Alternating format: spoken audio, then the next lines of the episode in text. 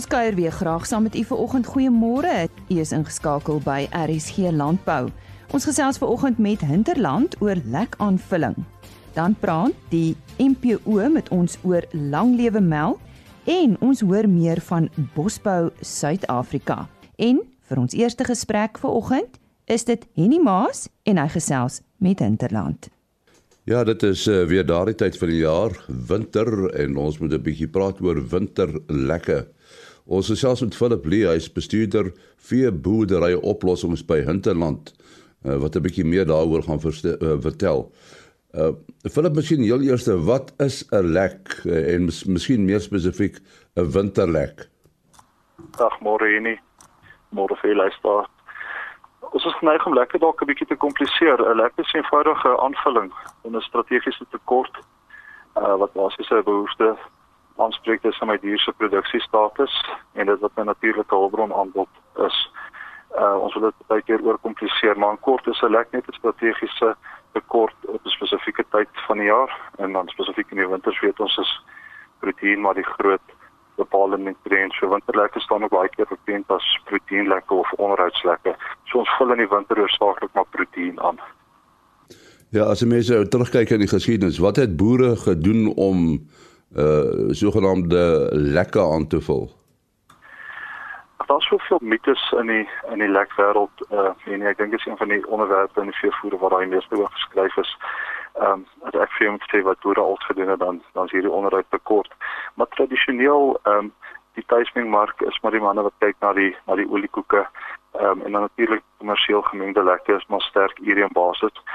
Hierheen bly maar ons goedkoopste bron van van proteïen om aan te vul. Maar ons weet ook dat 'n die dier uh, 'n natuurlike proteïenkomponent in sy dieet nodig het. So ons kan net sluitlik proteïen aanspreek net deur die dierlike behoeftes te bevredig nie ons moet kyk na die natuurlike komponent van die proteïenskakel ook.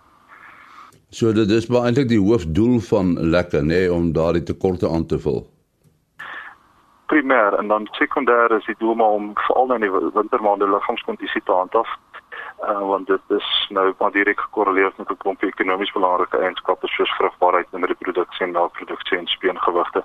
Al die klas van goed wat 'n ou man jou besieg voel, maar primêr in die winter tot hoof doel om ons vroulike diere, ons skoeikeres, ons oeikeres se liggaamskondisies te handhaaf. Te verhoed dat ons nie die drastiese gewigsverliese sien wat ons nou al te wagte kan wees met die geweldige daling in die kwaliteit en kwantiteit van ons natuurlike hulpbron, wydings die proteïen waar dit dal drasties uh die smaaklikheid en verteerbaarheid dal drasties so sit in die rente inname probleem en lekker speel 'n kritiese rol om nie net wydingsinname te stimuleer nie maar om my mikrobe omgewing in die rumen so konstant as moontlik te hou. Uh, so die hele jare was daar enige tegnologiese ontwikkeling wat 'n uh, lekker aanvulling betref. Ek dink daar was 'n enorme vordering ehm um, in ons kommersiële lekomgewing oor die jare. Ek dink ons het uh, ons te ver rent gekop. Ons doen baie goed om presies dieselfde maar ek dink op 'n ander vlak in uh, terme van lekinname en smaaklikheid en beskikbaarheid vir die dier op op cellulêre vlak dink ek is daar groot breë gevolg dat ons vandag lek het wat net soveel meer effektief die werk doen as die lek van 20 of 30 jaar terug. So die lekke is meer doeltreffend.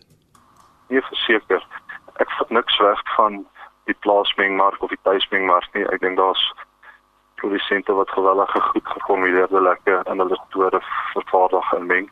Maar ek dink in die kommersiële mark is daar groot tree ge gemaak in terme van meer effektiewe, meer kostebetreffende lekke en beter optimale benutting van ons weidings.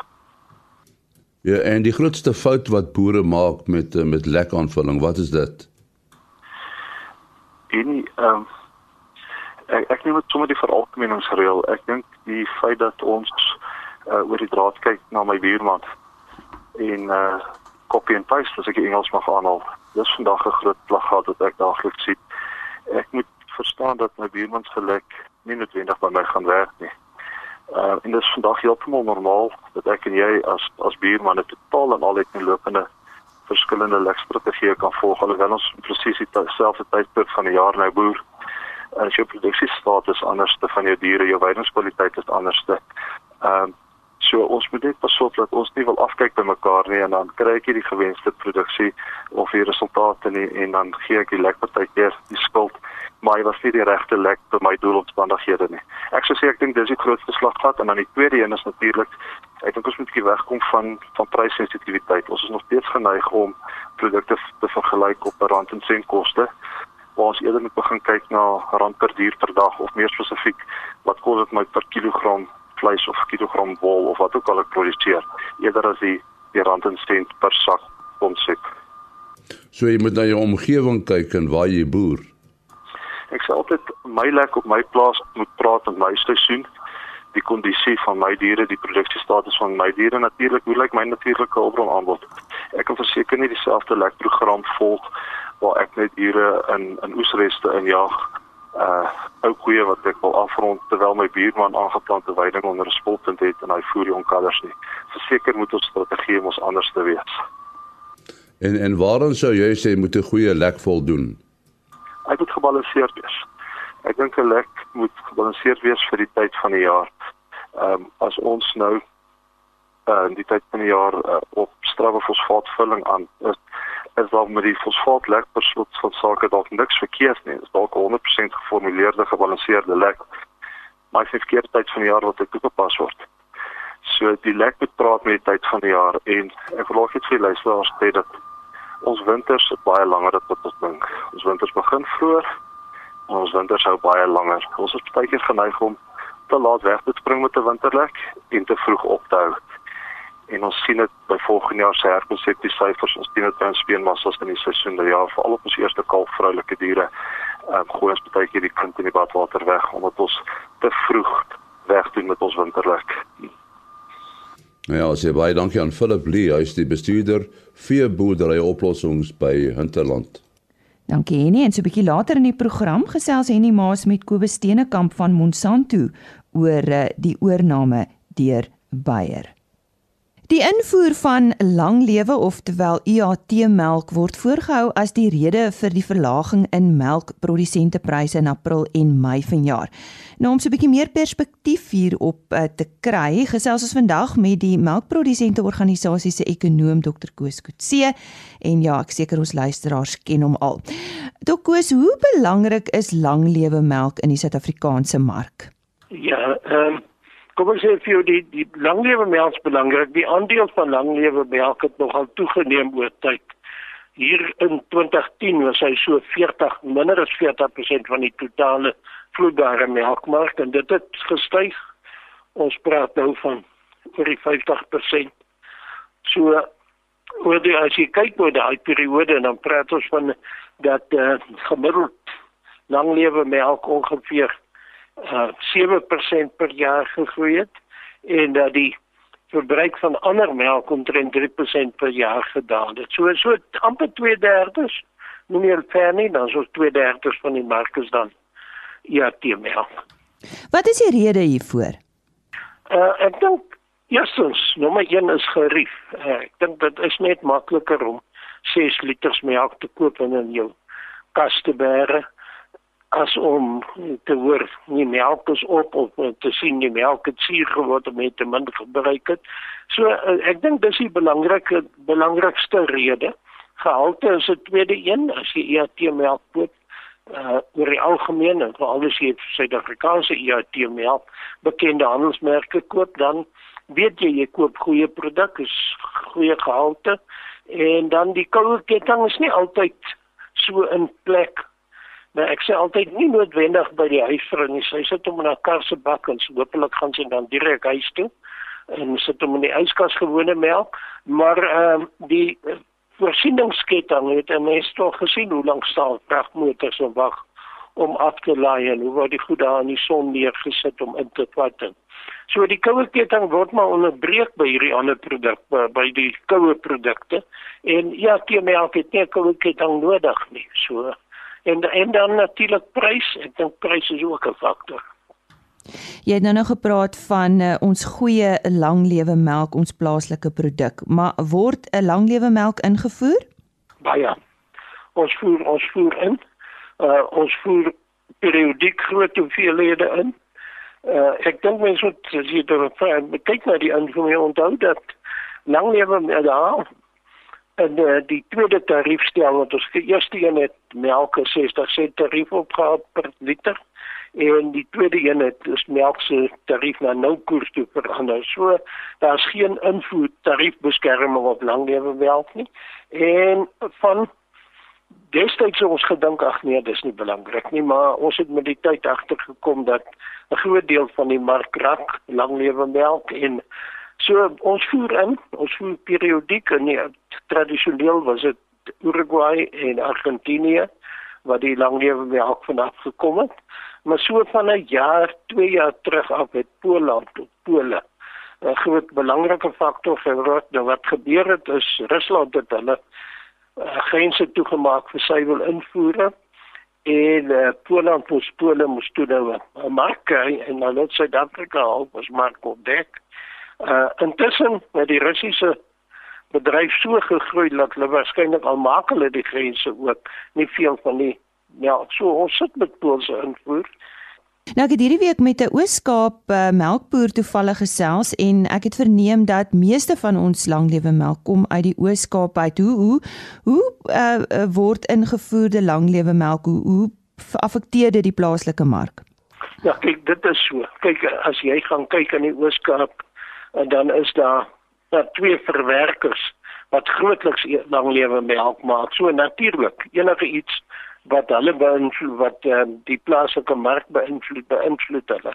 Ja, jy weet soos alle kom ons sê dan net eers ons voer meer ja teen langlewe melk uit as wat ons invoer.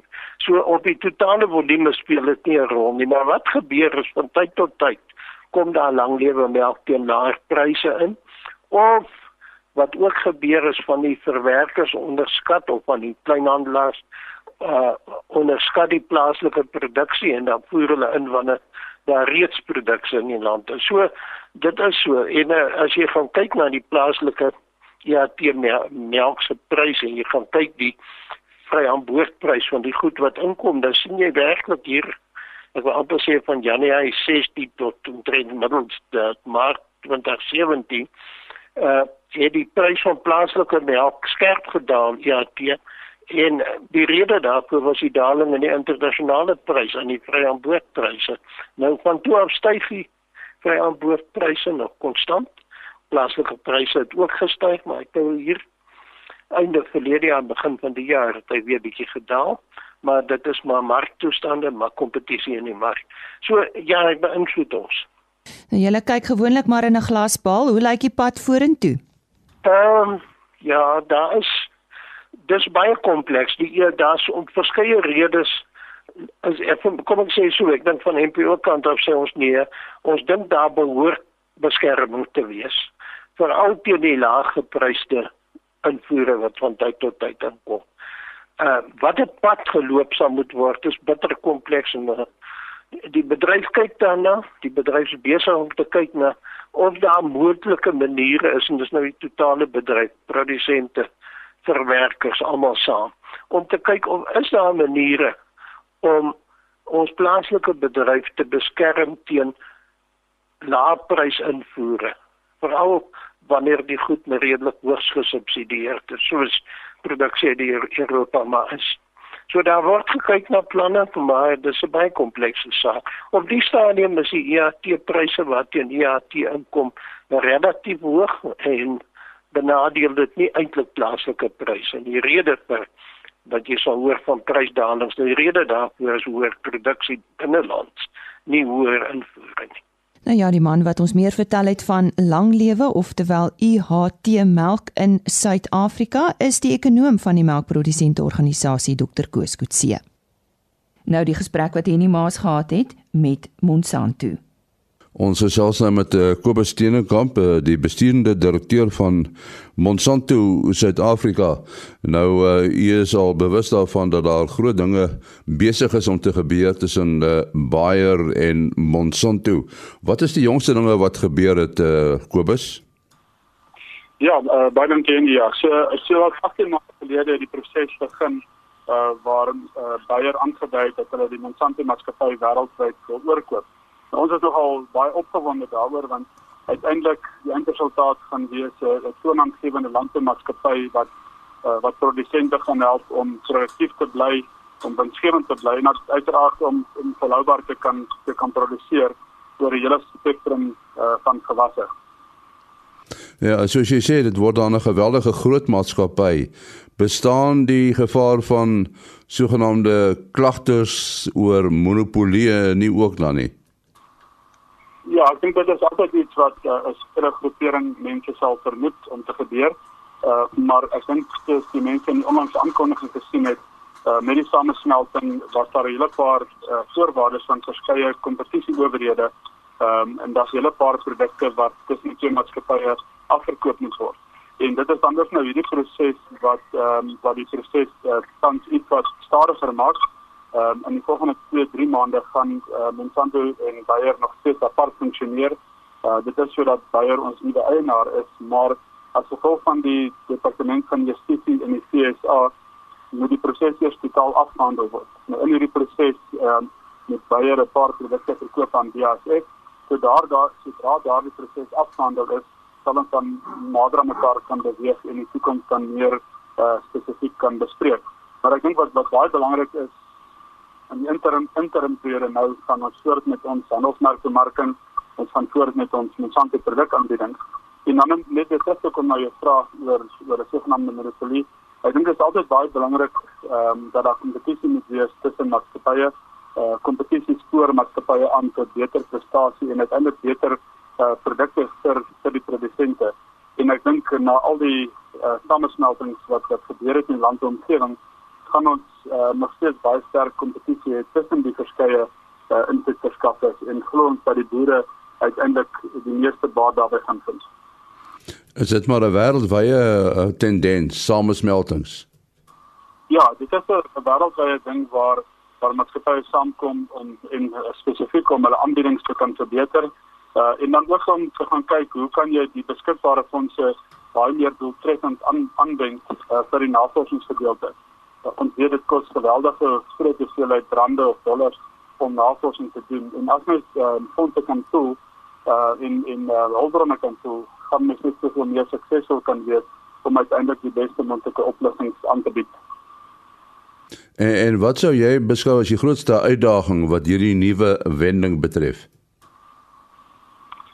Ehm um, wat die wat betref ons ons toekoms, uh, weet ons daar's verskeie uitdagings uh, wat ons te bowe moet kom en in minder en in meerder mate uh, raak dit uh, maatskappye, maar ek dink uiteindelik gaan dit wees om uh, as mens terugbring na na kliënte in Suid-Afrika gaan dit wees om om vir die kliënte geen ontwrigting te te gee nie. Met ander woorde, 'n kliënt moet 'n 'n 'n baie goeie oorgang hê van die huidige maatskappy tot na die nuwe maatskappy toe en tevrede aan aan die ander kant uitkom.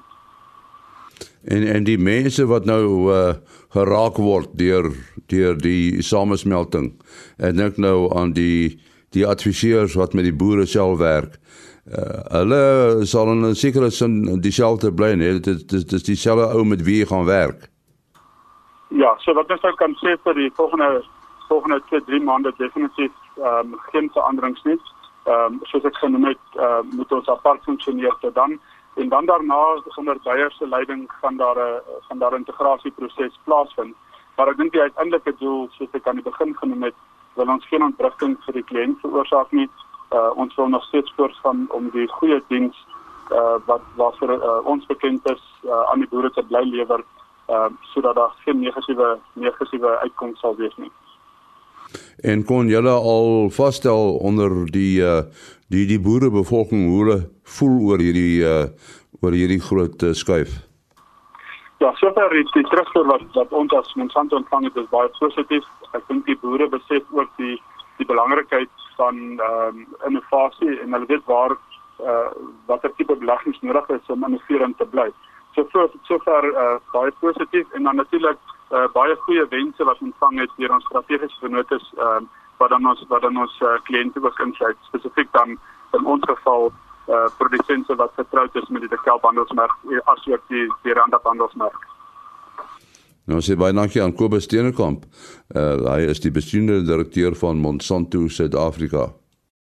Daar bestaan gemengde opinies oor bosbou en die effek wat dit op die omgewing en die volhoubaarheid van ons hulpbronne het. Nou gesels nou met 'n uh, eh, Ronald Heath, hy's 'n navorsingsdirekteur van Bosbou Suid-Afrika. Hy gee vir ons nou perspektief oor die bedryf en hoe dit bestuur word. Ronald, uh, goeiemôre, lekker om jou by ons in die ateljee te hê. Goeiemôre, Lise, baie dankie.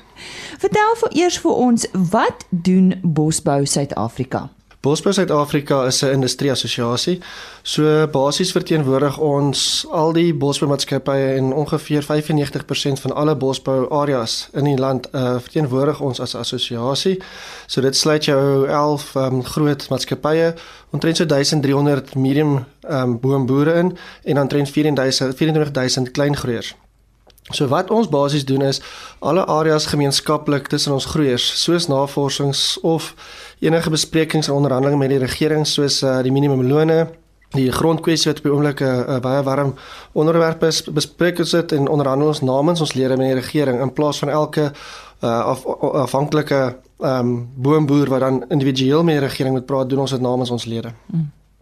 Nou dis nogal 'n interessante bedryf. Gee vir ons 'n bietjie meer agtergrond oor uh, plantasies en die produksieproses. Plantasies is baie interessant. Dis maar basies boer met bome. Maar dit is wel baie verskillend as meeste ander landbou um, gewasse wat mens verbou. En hoekom ek so sê is gevolg van die lang produksie tydperk. So waar meeste van jou landbougewasse jaarliks geoes kan word, in bosbou is jou kortste ehm um, siklus omtrent 6 jaar waarvan plant tot oes en kan opgaan tot omtrent 35 jaar waar ons denne saaghout produseer. So dis baie baie lank proses.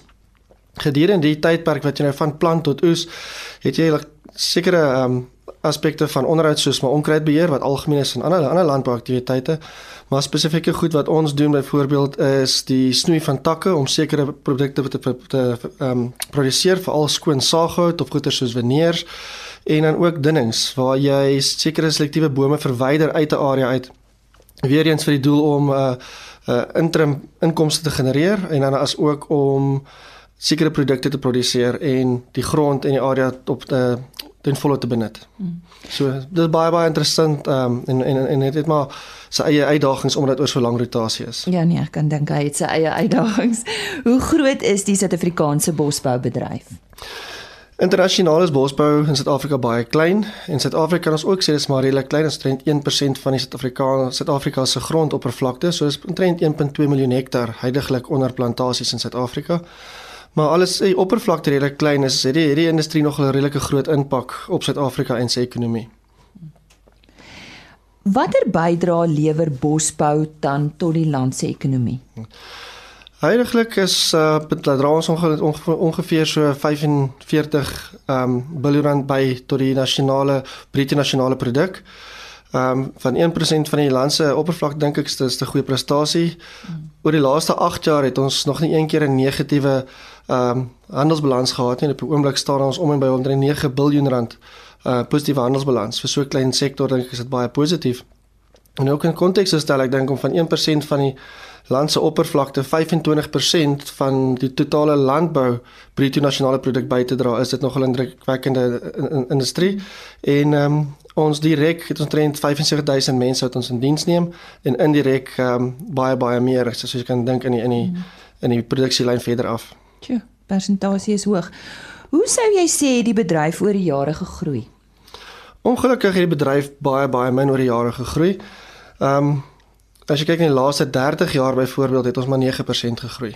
In die laaste paar jaar, laaste 3, 4 jaar sien ons elke jaar eintlik 'n klein to, uh, afname in die industrie wat baie kommerwekkend is. Dit is hoofsaaklik maar kompetisie met met uh, voedselgewasse en in Bosbou se geval spesifiek um, makadamia neute en avokado pere.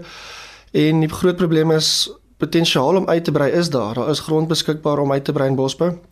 Die markte is daar Ongelukkig word ons bosbou baie baie streng gereguleer deur wetgewing. Ons is een van die mees gereguleerde ehm um, grondgebruike en ons is die enigste grondgebruik in die land wat as 'n ehm um, stroomvloei ehm um, afneem of hoe sê ek sê ja 'n stroomvloei uh, impak op het. Ehm um, en ons is so geklassifiseer deur die departement van waterwese en sanitasie. So voor ons enige areas kan bebos, nuwe areas kan bebos, het jy eers 'n omgewingsimpakstudie nodig wat maar algemeen is vir meeste ontwikkelings. Maar dan het jy ook 'n waterlisensie nodig. en die waterlisensies is nogal moeilik om te bekom.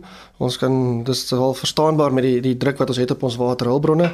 Ehm um, maar op die oomblik word daar baie min waterlisensies uitgereik. Daar is van ons klein groeiers ehm um, wat al 8 tot 9 jaar wag vir 'n waterlisensie en hulle het die grond, hulle het die die lus om te begin met, met bosbou en te belê in die industrie, maar hulle kan nie as gevolg van daai waterlis uh, waterlisensie. En eers die waterlisensie dan kan jy eers 'n be be be bebossingspermit kry. So dit is 'n baie moeilike bedryf om om in uit te brei. Maar ons doen nog steeds ek dink baie baie goed. In die laaste 30 jaar waar ons 9% gegroei het, het ons 55% produksieverhoging gesien van daai selfde area af. So ek dink al is ons beperk tot uitbreiding, doen ons baie goed om ons produksie op te stoot. Nou jy het so 'n bietjie aan die uitdagings geraak wat julle in die bedryf ervaar. Miskien wil jy so 'n bietjie uitbrei daarop? Ja, so om om uit te brei as industrie is daai ons ons primêre uitdagings. Buiten dit, soos die res van die landbousektor het ons ongelooflike druk van peste en siektes. Jaarliks verloor ons gelykstaande aan 11% van ons jaarlikse produksie. Verloor ons net aan peste en siektes. Dan vure, kyk jy na omtrent 50% gelykstaande aan 15% van ons jaarlikse produksie verloor ons aan aan vure. So net daai twee faktore is 'n groot bedreiging vir die industrie. Ehm um, wat regtig moeilik maak om om volhoubaar te wees en dit is dis van die uitdagings wat ons aanspreek maar elke elke jaar en soos dit aan tyd aangaan. Maar weer eens as gevolg van baie sterk navorsingskapasiteit en ontwikkeling van tegnologie spreek ons vir al ons peste en siektes baie sterk aan. Daar word baie geld daarin belê om daai areas ehm um, of daai bedreigde dreigemente te beperk. En oor die algemeen doen ons baie goed. Nou ja, ons het daar gesels met Ronald Heath. Hy is navorsingsdirekteur van Bosbou Suid-Afrika. Ons gesels môreoggend verder met hom en dan praat ons onder andere oor die impak van uh, wat hulle het op die omgewing en ook oor ontwikkelende boere in hierdie sektor. So sluit gerus dan weer by ons aan. Dis dan al vir vandag. Dankie dat u saam met ons gekuier het ver oggend. Sluit gerus môreoggend weer by ons aan. Ons praat dan met 'n navorser van die Universiteit van Pretoria oor uh, aartappelkultivars. Ja, as ook die voedingswaarde van aartappels. Tot dan, totsiens. RSG Landbou is 'n produksie van Plaas Media. Produksieregisseur Henny Maas. Aanbieding Lisa Roberts. En inhoudskoördineerder Jolandi Root.